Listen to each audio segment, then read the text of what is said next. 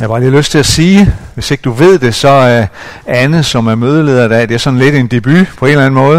Uh, Anne, hun er startet på en uh, bibelhøjskole i Maja og skal være et år, og, uh, og så skal hun uh, uh, lægge sin praktik uh, her i, i kirken, og vi blev enige om, at noget af det, hun skal arbejde med, det er også at være, det prøver at være, være mødeleder her om søndagen. Så Øh, og som jeg altid siger, når vi, øh, når vi har en ny, der træder ind i en tjeneste, vi er, øh, vi er kaldet til at, at løfte hinanden op, til at opmuntre hinanden, til at støtte hinanden.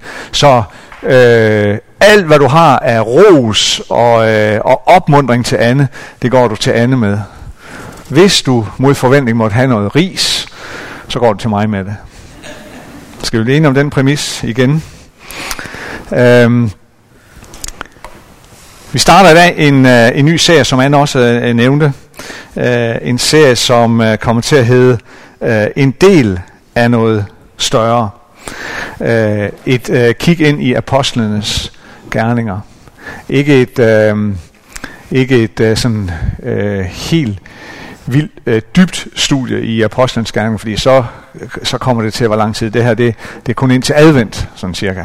Øh, men, men dog et kig ind i Apostlenes Gerninger, med fokus på det her med, at øh, vi er en del af noget større.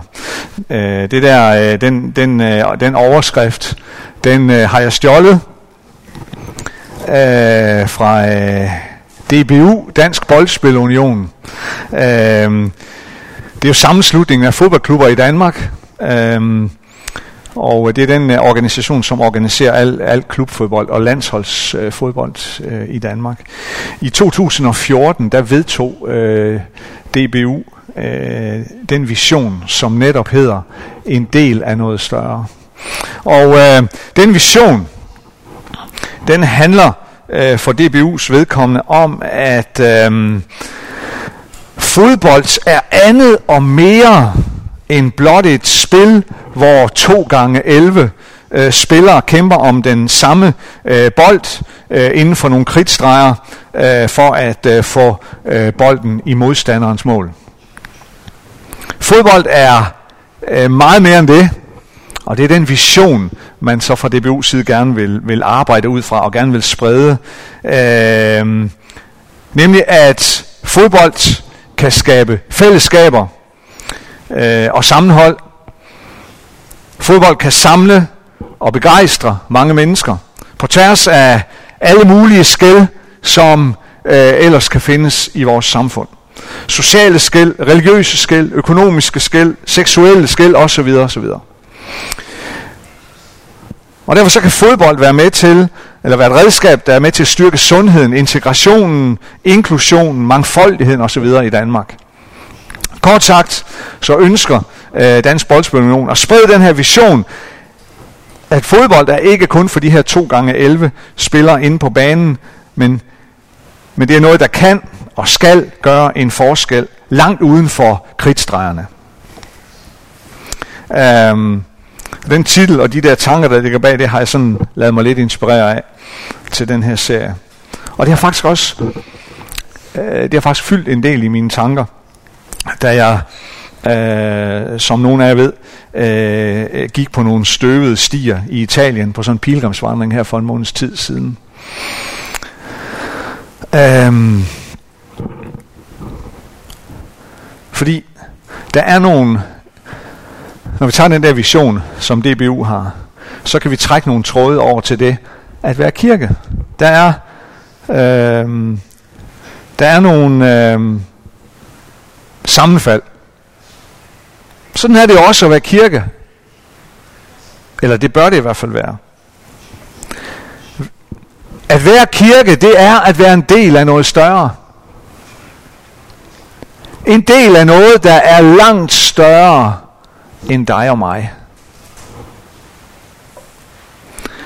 At være kirke, det er at være en del af noget, som er større end det her fællesskab. Det er større end de her fysiske mure. Det er større end det, vi selv kan rumme. Det er også større end det, vi nogle gange selv ønsker. At være kirke, det er at være del af noget, som er større end det, der lige behager mig her og nu. Større end det, der gør, at du og jeg føler, at vi lige bliver tilgodeset. Større end hvad der måtte behage dine og mine behov lige her og nu. At være kirke er langt større end det. Og at være kirke, det er langt større end at være kirke for dem, som lige her og nu befinder sig inden for de her, skal vi sige, kritstreger. Og det skal vi altid have fokus på. Og jeg tror på, at det er noget, vi meget bevidst og meget konkret altid skal arbejde på. På en måde så tror jeg jo, at det er noget, som, som, som Belkirken øh, gennem årene har forstået og har arbejdet på. For ellers, så vil vi nok ikke have fremstået som en, synes jeg jo, fantastisk og levedygtig menighed. Her efter mere end 180 år. Vi fejrer 182 år, som Jakob var inde på her på søndag. Øhm. Men vi skal bare huske på, som vi har hørt mange gange sikkert, at en kirke er aldrig længere end en generation fra at uddø. Vi er aldrig længere end en generation væk fra at uddø. Og hvis ikke vi bevarer det her fokus på, at vi er en del af noget større, og at vi altid skal kalde på dem, som endnu ikke er inden for de her kridtstreger, så er vi på vej i den helt gale retning. Og måske endda uden at vi tænker over det.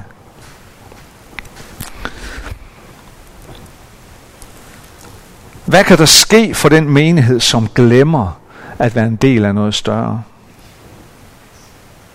Hvad kan der ske for os, når vi til side sætter det at være kirke for dem, som er uden for kridtstregerne? og kun fokuserer på at være det for dem, der er indenfor. Hvad sker der med os?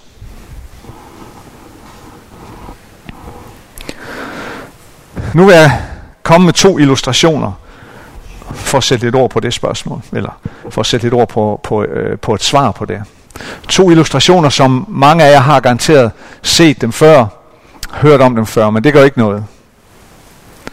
Øh, den første illustration, den handler om, det er den her sammenligning mellem øh, to steder i Israel, eller øh, nogen kalder det også Palæstina, det her område, sådan set øh, øh, lige meget i den forbindelse.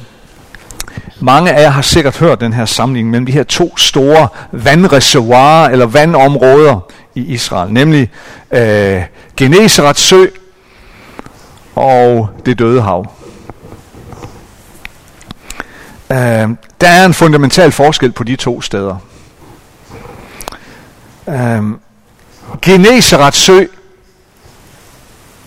rummer stor frodighed. Øh, der er grønt, der er liv omkring. Det er frodigt. Det er smukt. Øh, det døde hav, derimod, det er, som, øh, som navnet antyder, øh, ret dødt. Det er goldt. Der er ikke ret meget øh, liv omkring. Og det er der en årsag til. Og det er fordi vandet i det døde hav er ekstremt salt. Så der er ikke ret meget, der kan leve og, og, og gro der. Øhm. Grunden til den her forskel på de her to steder, det har noget at gøre med, øh, det har noget at gøre med vandet.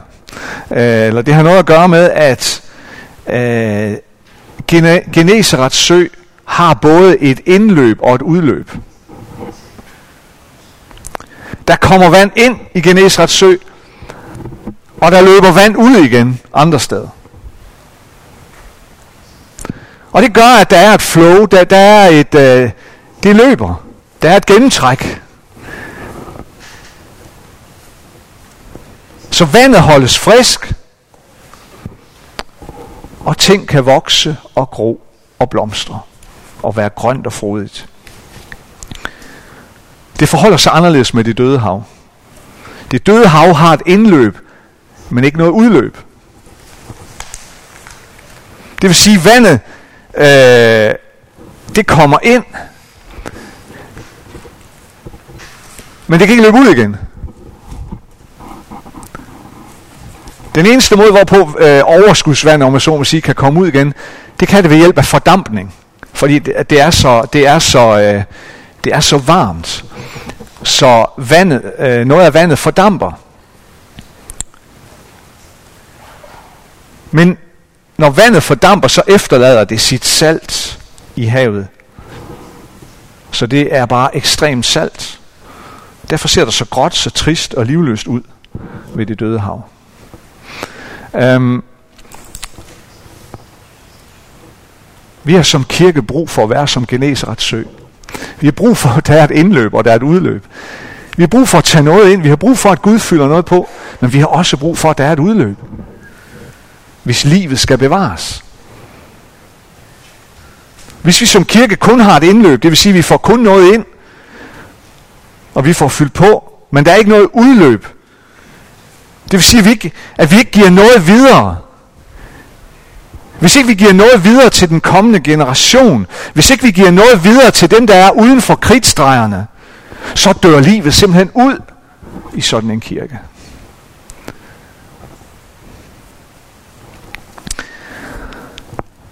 Den anden illustration, den har I muligvis også set før. Øhm, der, øhm, der, skal vi til, øh, der skal vi til Mellemamerika. Ikke så forfærdeligt langt fra der, hvor Aline kommer fra. Øhm, der er et land, der hedder Honduras. Der byggede man en gang for mange år siden en bro. I 1930, eller 30'erne, der byggede man en, en meget, meget øh, stærk bro Øh, det hedder noget med Choloteca, eller sådan noget i den stil. Øh, det kan godt være, at jeg udtaler det helt forkert, men... Øh, øh, og opgaven for ingeniørerne, der skulle bygge den her bro dengang, det var, at det skulle være en meget, meget stærk bro, fordi det var et, om, det er et område, hvor orkaner, tyfoner kan, kan have, og det gør de øh, indimellem. Så opgaven var at bygge en så stærk bro, så den kunne stå imod alt det her. Øh, så det fik man de allerbedste ingeniører til at lave. Og øh, det lykkedes også, og man fik bygget en fantastisk stærk bro. Um, I 1900, der går mange år, så i 1998, der kommer orkanen Mitch. Mange af jer kan huske den. Uh, den rammer Honduras og, og, uh, og store dele af Centralamerika voldsomt. Uh, mange broer rammes også, men den her bro, den står fast, uh, for den er bygget solidt. Men der skete noget andet under orkanen. Orkanen Mitch fik simpelthen floden til at ændre retning, eller til at flytte sig. Øhm, floden flyttede sig simpelthen der, hvor broen var. På grund af det her vanvittige tryk fra orkanen, så skar vandet sig simpelthen i en ny retning. Så da orkanen havde lagt sig, og der var blevet fredeligt igen, så så det sådan her ud.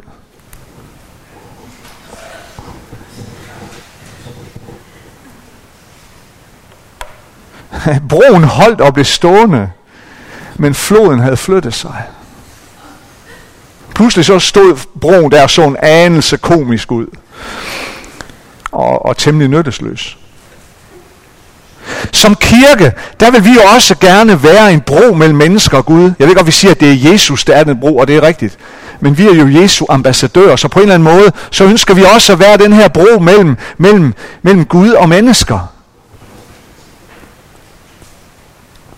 Men hvis ikke vi lever tæt på mennesker, som har brug for at komme over broen,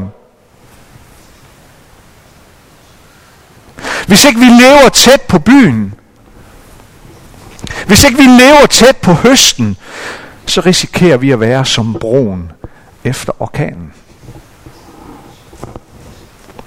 Så ser vi simpelthen ikke, hvor mennesker er. Vi ser ikke, hvad der er deres behov, for vi forstår det ikke. Så ved vi jo ikke, hvad der rører sig i dem. Vi ved ikke, hvad spørgsmål de stiller. Og så har vi som kirke et liv og et udtryk, der måske ikke opleves specielt vedkommende for særlig mange mennesker. Hvorfor skulle de så krydse broen? Apostlenes gerninger er en fortælling, som jeg ser det, om en kirke, som ønskede at leve tæt på høsten. Det var ikke altid let.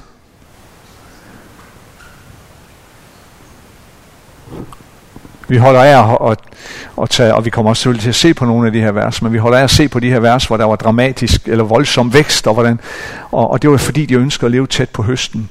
Vi ved også godt, at det er et øjebliksbillede. Der gik ikke så lang tid, så kom problemerne. Selvfølgelig gjorde de det. De var mennesker, ligesom vi er. Men det var mennesker, der ønskede at leve tæt på høsten. Som ønskede at være den bro der, hvor floden var. Jeg skal prøve at læse nogle af de allerførste vers fra Apostlenes Gerninger, kapitel 1. I min første bog fortalte jeg dig, Teofilus, om alt det, som Jesus gjorde og lærte fra begyndelsen, lige til den dag, han blev taget op til himlen, efter at han ved Helligånden havde givet sine befalinger til de apostler, han havde udvalgt. Efter sin lidelse og død trådte Jesus frem for dem med mange beviser på, at han levede i det han i 40 dage viste sig for dem og talte om Guds rige. Og da han spiste sammen med dem, pålagde han dem, at de ikke måtte forlade Jerusalem, men skulle vente på det, som faderen havde lovet. Om det har I hørt mig sige. Johannes døbte med vand, men I skal døbes med helligånden om ikke mange dage. Mens de nu var sammen, spurgte de, spurgte de ham, Herre, er det nu, du vil genoprette riget for Israel? Han svarede, det er ikke jeres sag at kende tider eller timer, som faderen har fastsat af egen magt. Men I skal få kraft, når Helligånden kommer over jer. Og I skal være mine vidner, både i Jerusalem og i hele Judæa og Samaria og lige til jordens ende.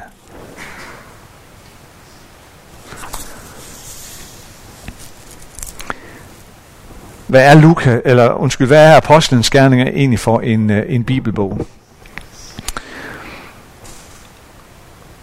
Der er ikke en stor tvivl om, den er skrevet af Lukas, som jo var mediciner eller læge. Øhm, Lukas, som jo også er forfatteren til det, vi kalder Lukas evangeliet. Øhm, Lukas, han var hedning, det vil sige, at han var ikke jøde. Og så skriver han til en vis Teofilus. Øhm, ligesom Lukas evangeliet også er stilet til den her Teofilus.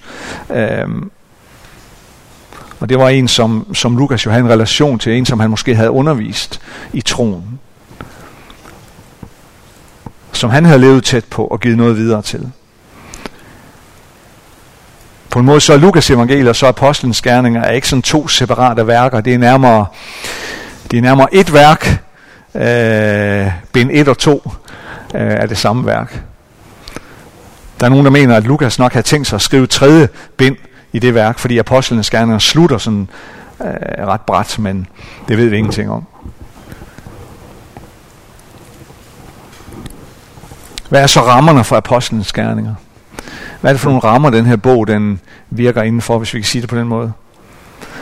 Um, man kan vel sige, at bogen står som et bindeled for os. Et bindeled mellem på den ene side Jesu liv og gerning her på jorden, og så, og så menighedens liv, den første menighedsliv, og binder det sammen på en eller anden måde, eller, eller som øh, det skriftlige materiale, vi har, så er det jo sådan et, man kan sige, et bindeled mellem, mellem evangelierne, Matthæus, Markus, Lukas, Johannes, og så, øh, og så de breve, som vi har, hvor Paulus jo har skrevet en hel del brevene, som blev sendt til menighederne og cirkuleret mellem menighederne, at der binder apostlenes gerninger også øh, de to ting sammen.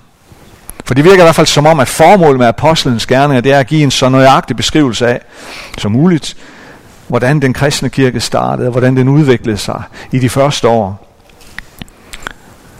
Og øh, det bliver lidt tydeligt, synes jeg, at, at Lukas her, han, han har sådan en videnskabelig baggrund. Han, øh, han går grundigt til værks, når han fortæller, hvad det var, der skete. Og han har ret så mange detaljer med.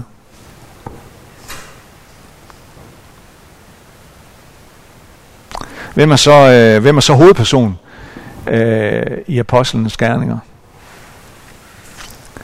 I de første 12 kapitler deromkring, så står, så står apostlen Peter meget stærkt i, øh, i billedet. Der, der er det ham, der er i forgrunden. Øh, der er rigtig mange beretninger om Peter. Øh, lige, fra, lige fra Jesu øh, himmelfærd, og øh, særligt efter selvfølgelig pinsedagen, øh, som vi kan læse om i kapitel 2. Øh, så er der rigtig mange historier om Peter. Mange beretninger om, hvordan Peter øh, prædikede frimodigt. Også hvordan han udførte mirakler øh, i Jesu navn. Så Peters forkyndelse og hans, hans øh, de handlinger, han gjorde i de første 12 kapitler, de demonstrerer tydeligt den her, den kraft og den effekt, der er i at være en efterfølger af Jesus. Og det er med Peter i forgrunden, at kirken grundlægges øh, og begynder at brede sig. Men primært sådan i Jerusalem og, og, og det nære deromkring. Øhm. men så fra øh, derefter, fra kapitel 13, øh, og, resten af, af bogen, så er der en anden, som står mere i forgrunden, nemlig en mand, der hedder Saulus.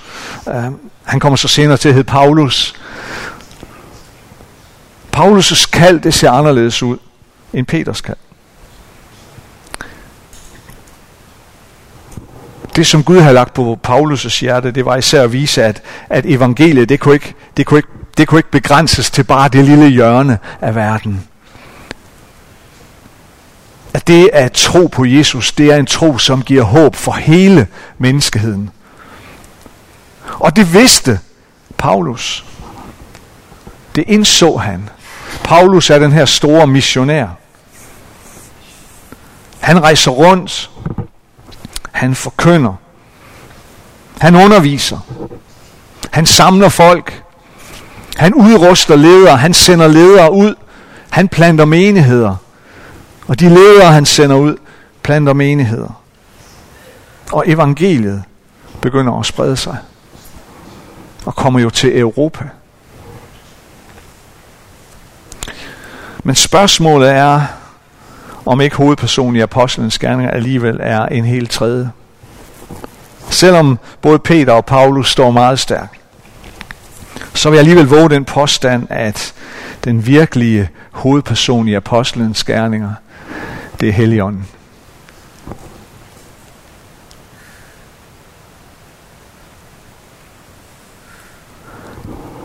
Der er naturligvis adskillige nøgle ord eller nøglevers i apostlenes gerninger.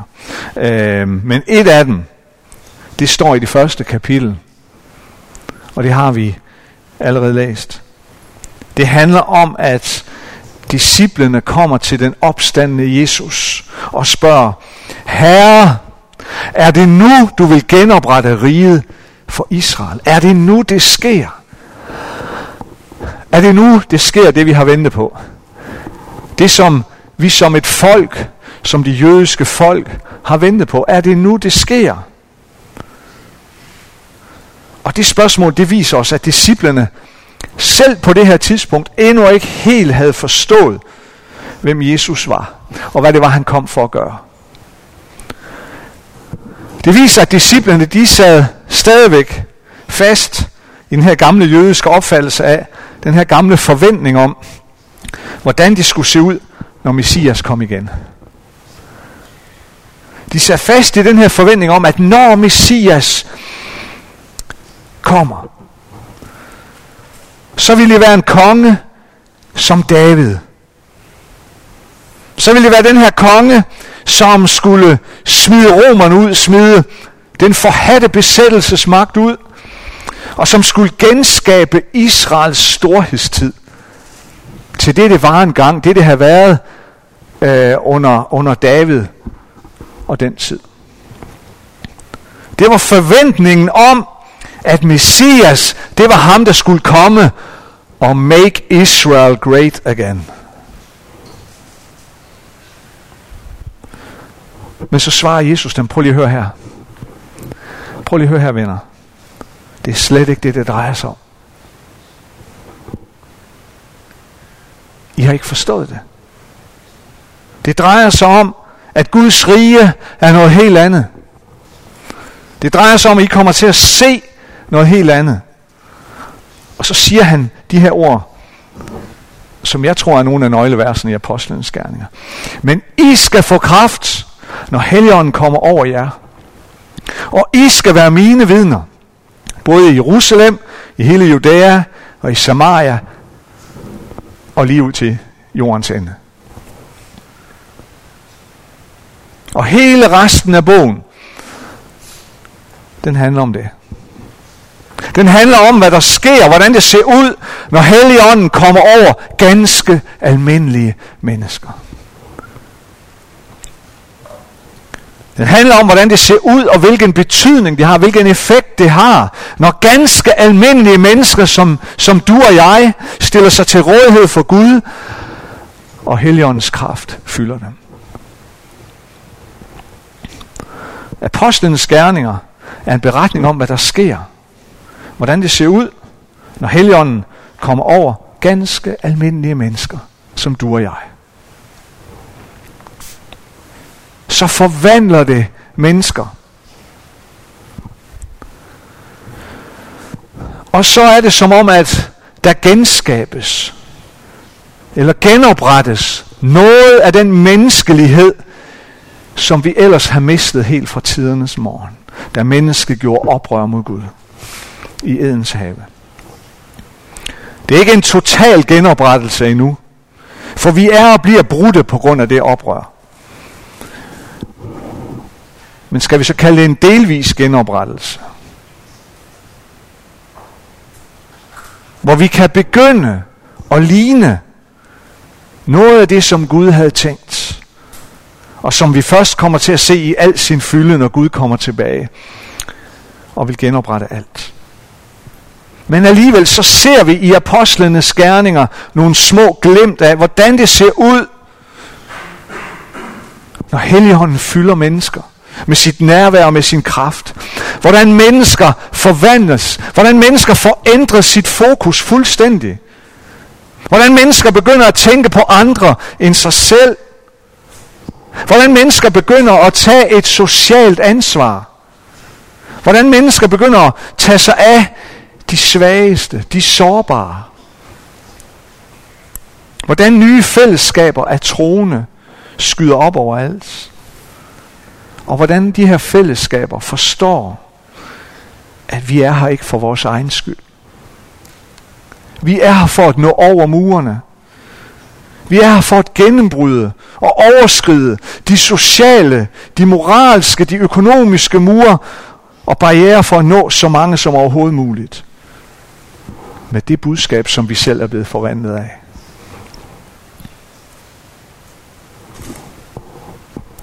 Derfor tror jeg, vi kan sige, at den virkelige hovedperson i apostlenes gerninger er Helligånden. Det var det, Jesus havde lovet. Og det var det, som han lige inden sin himmelfart siger til disciplene. Nu kommer I til at opleve det. Nu sker det. Helligåndens værk demonstrerer, at troen på Jesus Kristus er overnaturlig. Naturlig.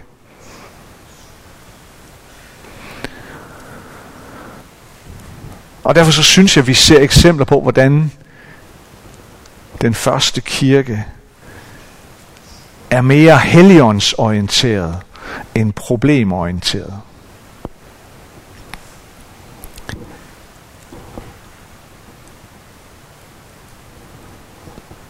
Orienteret om og fokuseret på, ja, der er udfordringer, der møder os. Ja, der er ting, der er svære.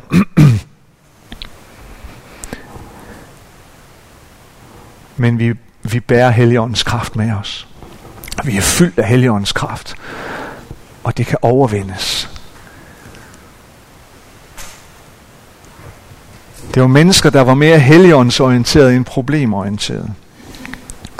Ved den tro, så kan hver påberåbe sig helligåndens kraft til at udføre Jesu gerninger her og nu. Er vi helligåndsorienterede, eller er vi problemorienterede?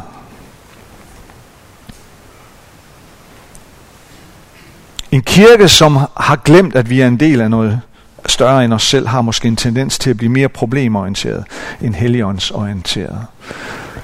Er vi som Genesrets sø, eller er vi som det døde hav? Er vi som den her bro, der ved, hvor floden bruser? Og er vi, er vi nær på den? Er vi, er vi tæt på byen? Er vi tæt på høsten? Eller lever vi vores eget liv, så vi ikke ser eller ikke forstår, eller måske dybest set er lige, ligeglad, hvis floden skærer sig en anden vej? Apostlenes gerning er fyldt med navne på mennesker, på vidner. Mennesker, helt almindelige mennesker, der fortæller om det, de selv har oplevet med Jesus. Vi har nævnt Peter og Paulus, men det er jo bare nogle få af dem. Johannes, Filip, Barnabas og mange andre. Vi hjælper deres egen personlige historie, deres oplevelse af Jesus, så var de fyldt med en, en frimodighed. Et gå på mod. De rejste rundt, de fortalte, hvad de har oplevet. Hvad de har oplevet med Jesus. At de havde oplevet, hvem Jesus var, og at enhver kunne komme til at møde ham. Enhver kunne få sit liv forvandlet. Når Helligånden arbejder, så er der bevægelse. Så kommer mennesker i bevægelse. Hvordan vil du og jeg være, være i bevægelse? Hvordan vil du og jeg være en del af den bevægelse? Vi er hans folk. Og derfor en del af noget større. Vi er udvalgt til at være en del af hans plan. Fordi vi er en del af noget større. Til at nå dem, der er, der er uden for kridtstregerne.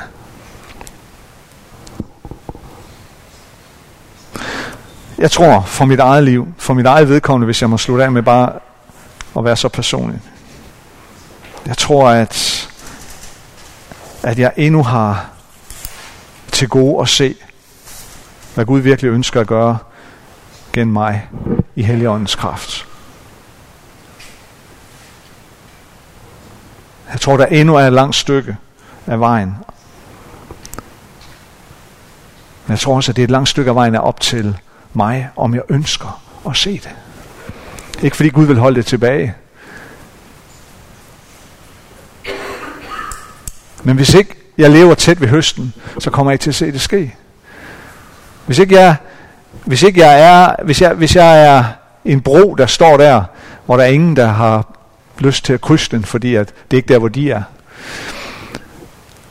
så kommer jeg nok ikke til at se det ske. Hvis jeg bare er som det døde hav, der nok tager ind, men ikke får noget afløb, så er der ikke noget liv omkring mig. Så er der ikke noget liv i mig. Jeg tror, jeg har stadigvæk til gode at se, hvad Gud virkelig ønsker at gøre i Helligåndens kraft igen mig. Måske oplever du det på samme måde. Og måske bærer du på den der længsel. Jeg vil være den der bro, der hvor floden er.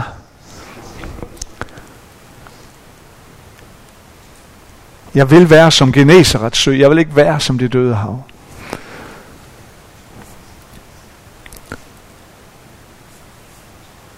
Og jeg tror bare, at den, det, er en, det er en længsel, som Gud vil møde. Jeg tror, han vil møde dig her i dag. Han vil møde dig, når du går hjem.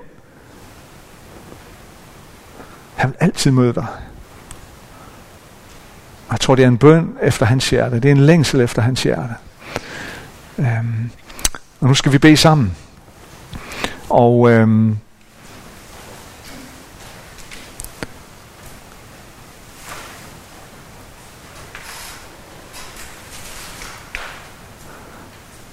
Og jeg tror, i dag skal vi gøre det på den her måde, at øhm,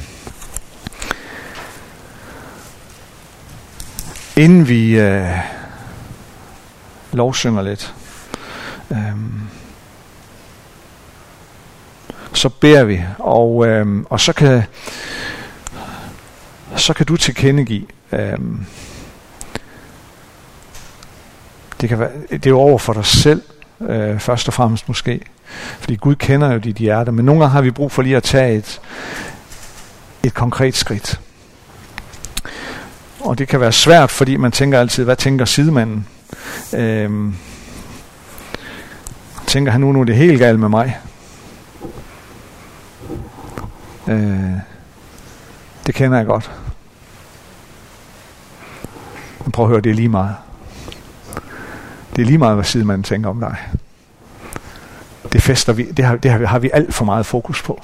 Det har jeg alt for meget fokus på. Hvad tænker andre om mig? Hvad hvis jeg søger om forbøn for det her? Så tænker de nok, nu har han tabt sutten. Øh, det har jeg også nogle gange. Men,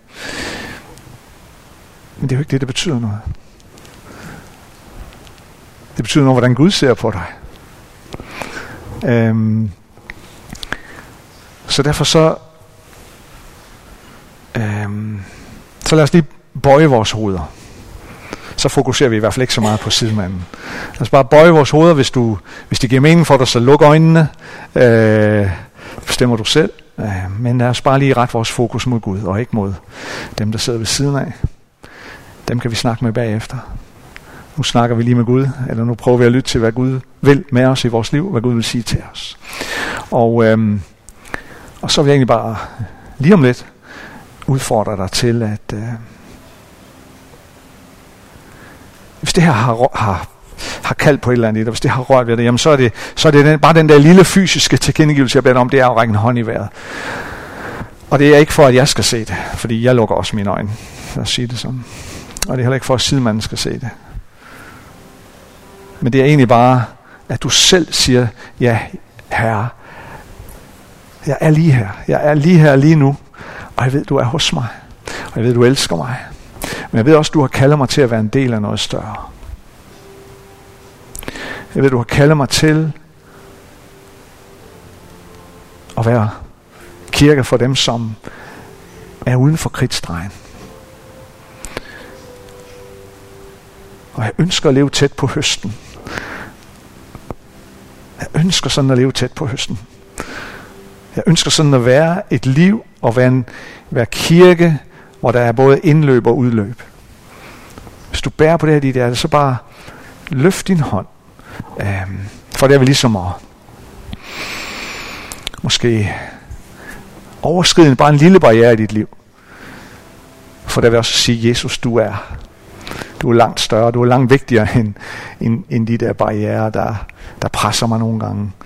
Og den tilbageholdenhed og den angst for, hvad andre tænker, der er du langt større. Så hvis du, hvis du, hvis du har det bare sådan, så, så bare løft din hånd.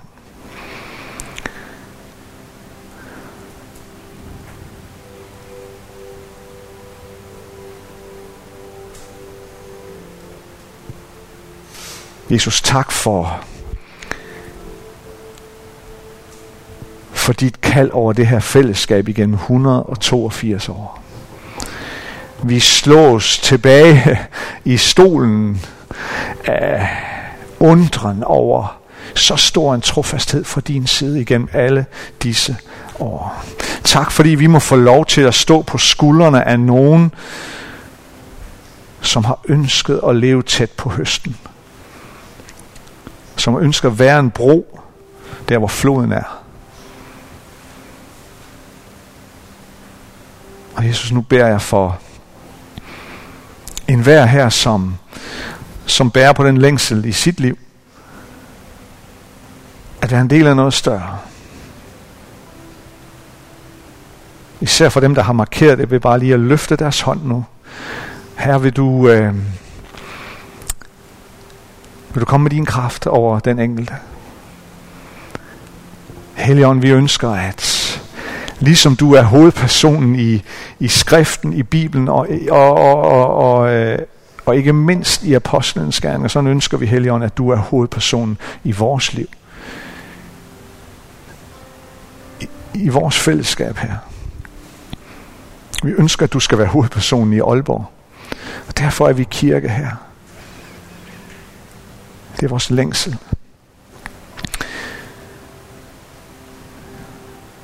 Jesus, nu giver vi os selv til dig. En hver, som har rejst hånden op, Herre, kom med din kraft over det. Kom med dit nærvær. Kom med din fred.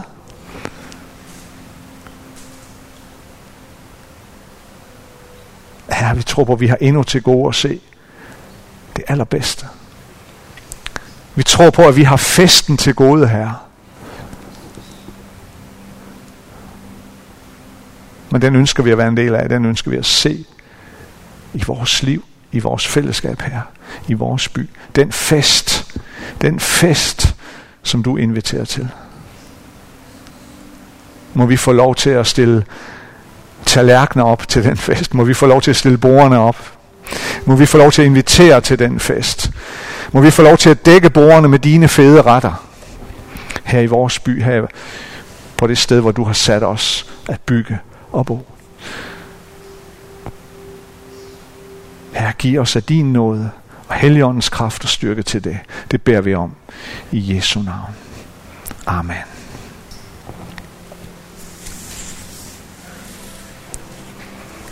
Skal vi rejse?